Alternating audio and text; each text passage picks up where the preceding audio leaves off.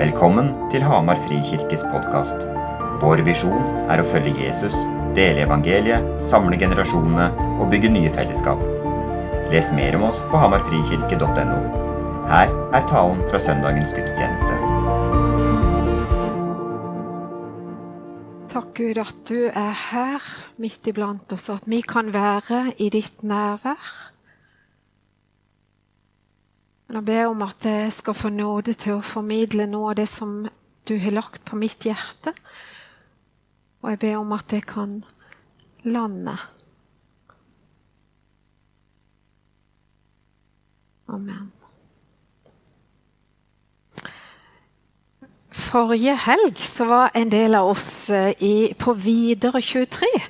Og da var jeg bl.a. sammen med Jakob og Esekiel og 14 stykker fra menigheten. Og det var veldig inspirerende. Eh, og noe av det jeg hørte der, kommer kanskje til å skinne litt igjennom på det jeg skal dele. Eller tale om. eh, vi har jo, som vi eh, allerede har hørt, vært inne i eh, ulike faser av kirkeåret. Eh, etter jul så har vi vært i det vi kaller for åpenbaringstida. I dag er det fastelavnssøndag. Fastetida ligger foran. Forberedelse til påske. Det som er prekenteksten for denne dagen, er henta fra Johannes 17, 20-26. Og det er det kapittelet som kalles for Jesu ypperste prestelige bønn. Her ber Jesus for disiplene og for oss som senere skal komme til tro på Han. At vi skal være ett med Han, Gud, vår Far, og med hverandre, slik at flere kan komme til tro.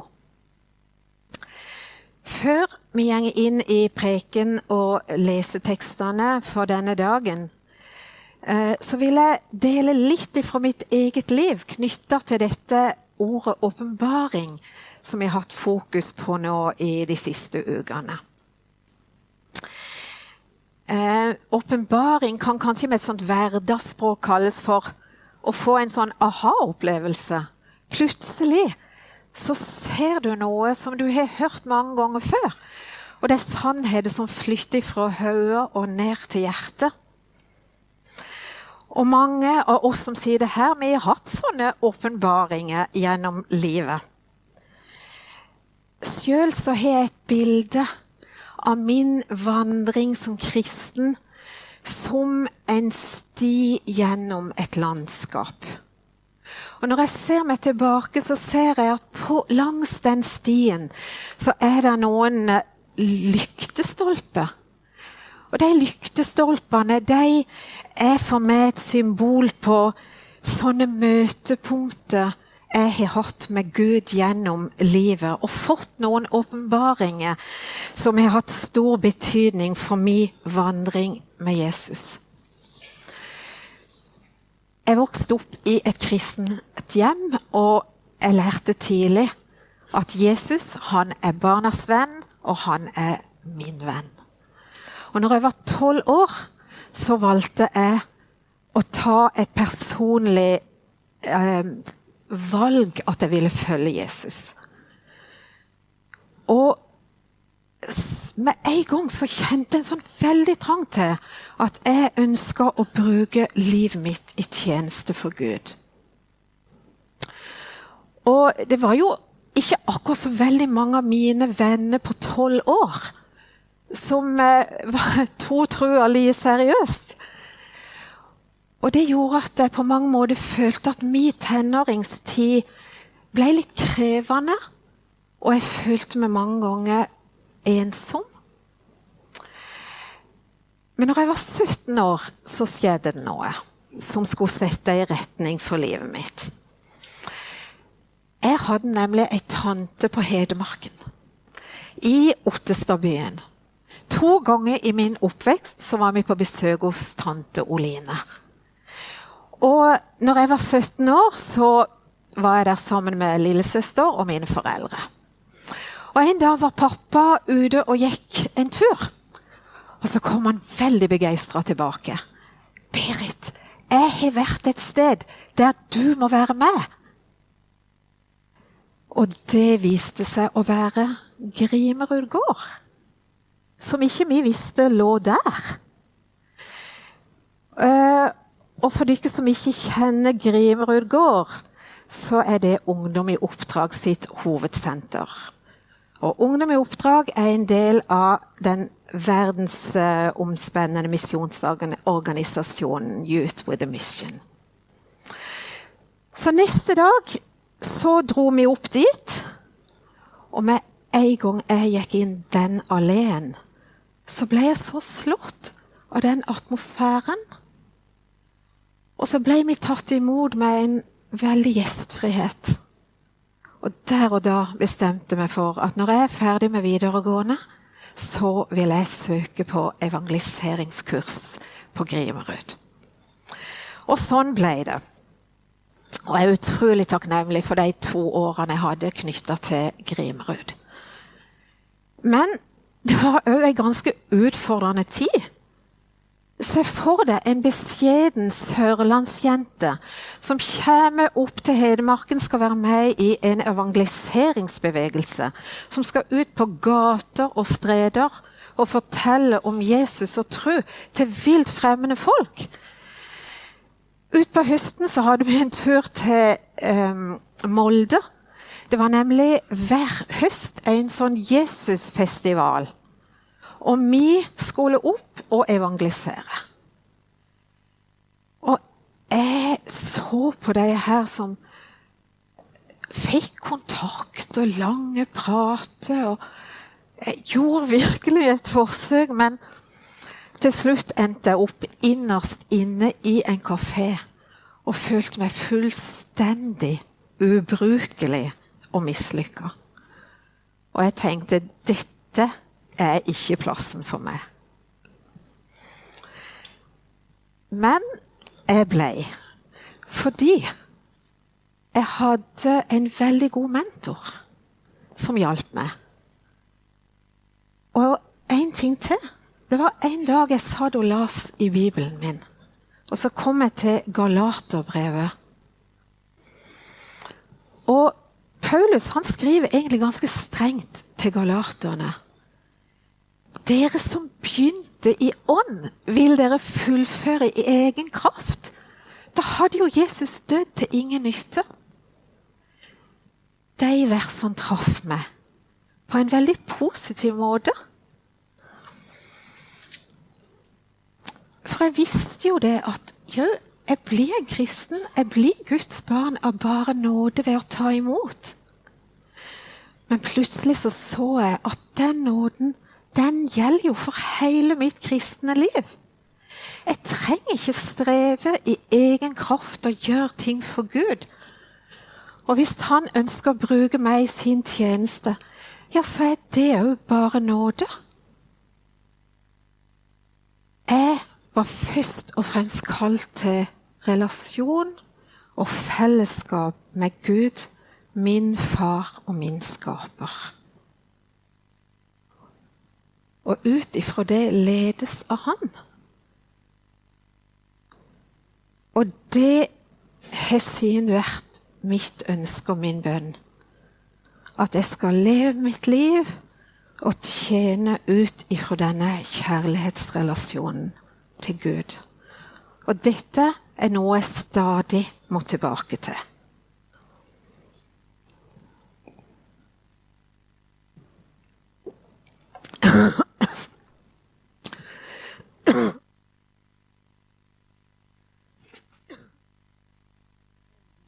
Vanne litt i vranga her. La oss zoome ut nå og se det store bildet av Guds historie. Før noe var skapt, var Gud. Og Bibelen sier at han var ifra evighet og til evighet. Før verden ble skapt, var det en fullkommen enhet mellom Gud Fader, Guds Sønn og Den hellige ånd. Det vi kaller for treenigheten. Og I første Mosebok så står det at Gud sa 'la oss skape'. Og hvorfor i all verden foreslo Gud å skape verden når enheten i det himmelske var fullkommen? Og til og med med en risiko at de han skapte, ville vende seg bort ifra han og gå sine egne veier. Men Gud han er i sin karakter kjærlighet. Og han hadde en lengsel etter at flere skulle bli innlemma i dette fellesskapet. Så grunnen til at vi er skapt, var at Gud ville dele sin kjærlighet og sitt fellesskap med oss. Og Fra Bibelens første blad så kan vi lese om hvordan Gud hver dag var nede i hagen og samtalte og var sammen med de første skapningene, Adam og Eva.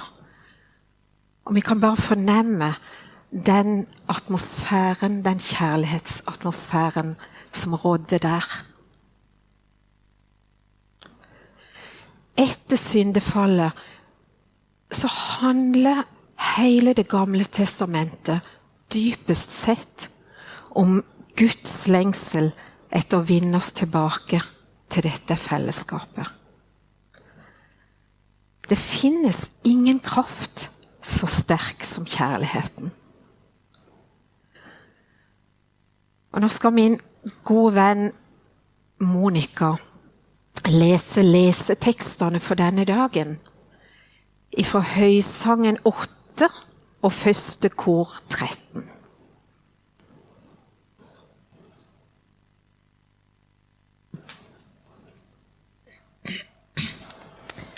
Ja, da begynner jeg med høysangen. Sett meg som et seil på ditt hjerte, et stempel på din arm. For kjærligheten er sterk som døden, lidenskapen er ubøyelig som dødsriket. Den brenner som flammende ild, en Herrens brann. Veldige vann slukker ikke kjærligheten. Elver skyller den ikke bort. Om noen gir alt han eier for å kjøpe kjærlighet, møter han bare forakt. Også fra første kor 13, 1-8. Om, noen, om jeg taler med menneskers og englers tunger, men ikke har kjærlighet, da er jeg bare drønnende malm eller en klingende bjelle. Om jeg har profetisk gave, kjenner alle hemmeligheter, og eier all kunnskap. Om jeg har all tro så jeg kan flytte fjell, men ikke har kjærlighet, da er jeg intet. Om jeg alt, gir alt jeg eier til brød for de fattige, ja, om jeg gir meg selv til å brennes, men ikke har kjærlighet, da har jeg ingenting vunnet. Kjærligheten er tålmodig. Kjærligheten er velvillig. Den misunner ikke, skryter ikke, er ikke håndmodig. Kjærligheten krenker ikke, søker ikke sitt eget, er ikke oppfarende og gjemmer ikke på det onde. Den gleder seg ikke over urett, men har sin glede i sannheten. Kjærligheten utholder alt, tror alt, håper alt, tåler alt. Kjærligheten tar aldri slutt.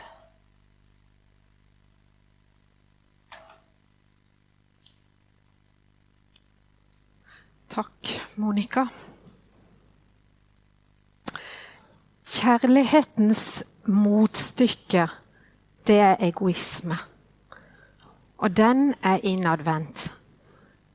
Men kjærligheten, den er utadvendt. Den må få utløp. På gresk så er det i alle fall tre forskjellige ord for kjærlighet. Filio, den kjærligheten som man kan ha til familie og venner. Eros, som er et uttrykk for den seksuelle tiltrekninga Og så er det agape. Og det er den vi leste om i Høysangen og i første kor 13. Guds kjærlighet som gir uselvisk uten å kreve noe tilbake. Den kan ikke kjøpes, som Monica Lars. Den kan bare tas imot av nåde.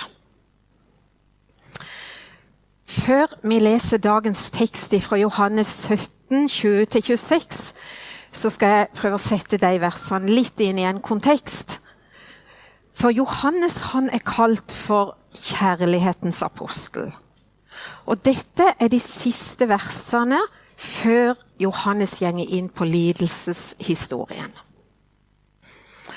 Og det tror jeg, jeg tror de er plassert der fordi Johannes tenkte at dette her er det aller viktigste budskapet som, eh, Jesus, som lå på Jesu hjerte i forhold til hans etterfølgere. Johannes 17, 20 27. Til 26. Jeg ber ikke bare for dem, men også for dem som gjennom deres ord kommer til tro på meg. Må de alle være ett, slik du, Far, er i meg og jeg i deg. Slik skal også de være i oss, for at verden skal tro at du har sendt meg. Den kjærligheten du har gitt meg, har jeg gitt dem, for at de skal være ett, slik vi er ett. Jeg i dem og du i meg, så de helt og fullt kan være ett. Da skal verden skjønne at du har sendt meg, og at du elsker dem slik du har elsket meg. Far, du har gitt meg dem, og jeg vil at de skal være der jeg er så de får se min herlighet. Den du har gitt meg fordi du elsket meg før verdens grunnvoll ble lagt. Rettferdige Far, verden kjenner deg ikke, men jeg kjenner deg, og disse vet nå at du har sendt meg. Jeg har gjort ditt navn kjent for dem og skal fortsatt gjøre det, for at den kjærligheten du har hatt til meg, kan være i dem, og jeg selv kan være i dem. Til sjansen på en liten slurk da. Håper det kommer dere i rett rør. Den samme kjærligheten som Gud hadde til Jesus før verdens grunnvoll ble lagt, har han til oss. Guds kjærlighet, denne agapekjærligheten, den handler ikke om hva vi kan produsere og få til. Men vi kan igjen og igjen koble oss på denne kjærligheten. For vår kjærlighet, den er begrensa. Det tror jeg vi alle har mange gode erfaringer, eller dårlige, med. Og hvis Hans nåde får landa i hjertene våre, og vi lar Hans kjærlighet få mer plass i oss og blant oss, så tror jeg at denne enheten mellom oss blir mer synlig. Til tross for at vi kan se forskjellig på ting og være forskjellige. Hvorfor er denne enheten så viktig? I den teksten så blir det sagt to ganger for at verden skal tro at du har sendt meg.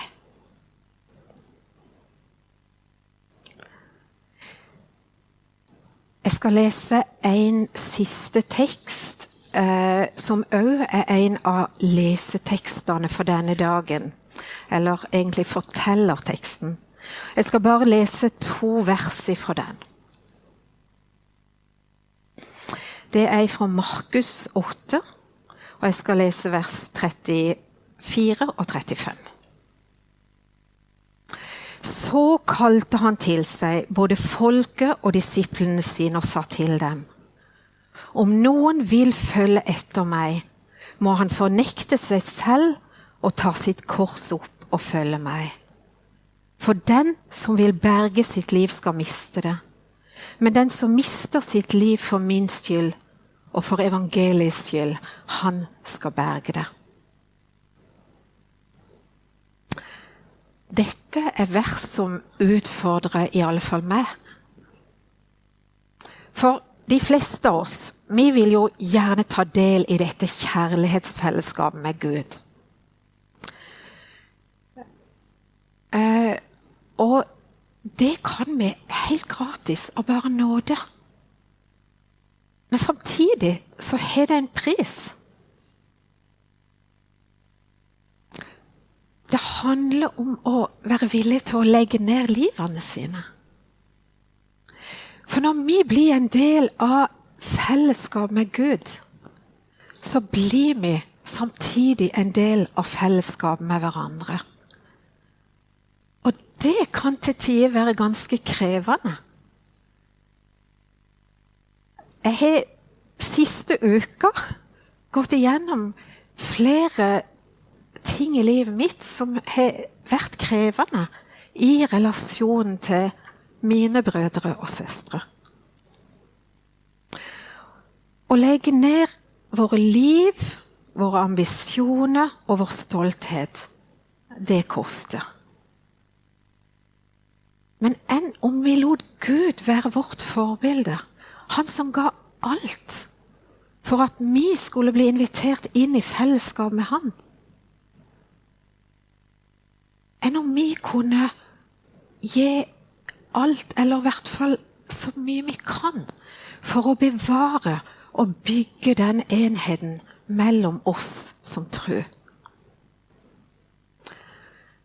Og selv om ikke vi alltid lykkes, så ønsker vi som menigheten å sette de verdiene høyt. Å være et inkluderende fellesskap der enhet og kjærlighet og omsorg i ord og handling rå. Et sted, sted det er trygt å være deg sjøl med hele det. Med styrke og med svakheter. Et sted der vi oppmuntrer hverandre og taler vel om hverandre. Og min drøm er at flere kan finne veien inn til fellesskapet vårt.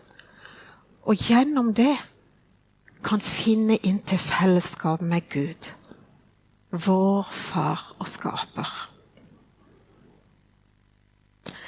I dag har vi feira nattverd igjen, til minne om det Jesus har gjort for oss. Og han er døra inn til det fellesskapet. Og den døra, den er alltid åpen. Der kan vi få ta imot ubetinga kjærlighet, nåde og tilgivelse. Både for vår egen del, men òg for å gi videre til andre det vi har fått del i og erfart. Alle er vi avhengig av Guds nåde. Og det er det beste utgangspunktet for enhet imellom oss. Jeg skal avslutte nå med å be ei kjent bønn. Den er kalt for Frans av Assisis bønn. Denne eh, rikmannssønnen som strevde med å finne mening med livet. Og så fikk han et radikalt møte med Gud. Og han ble munk, og han ble leder for eh, fransiskanerne. Eller det som på folkemunne ble kalt for Fattigbrødrene. Det er ikke sikkert vårt møte med Gud får så radikale følger. Men jeg tror likevel at denne bønna er noe vi kan ta inn og relatere både i vårt liv og i fellesskapet vårt.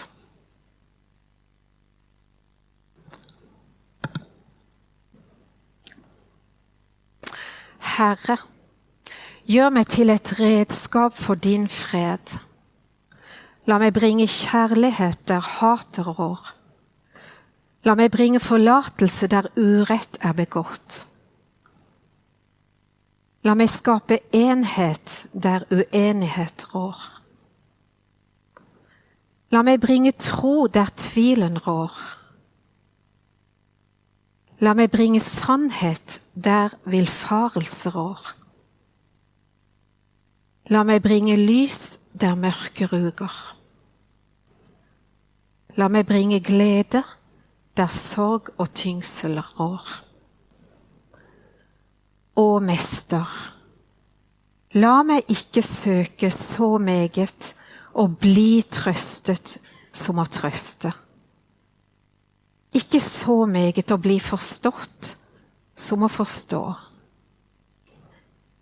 Ikke så meget å bli elsket som å elske.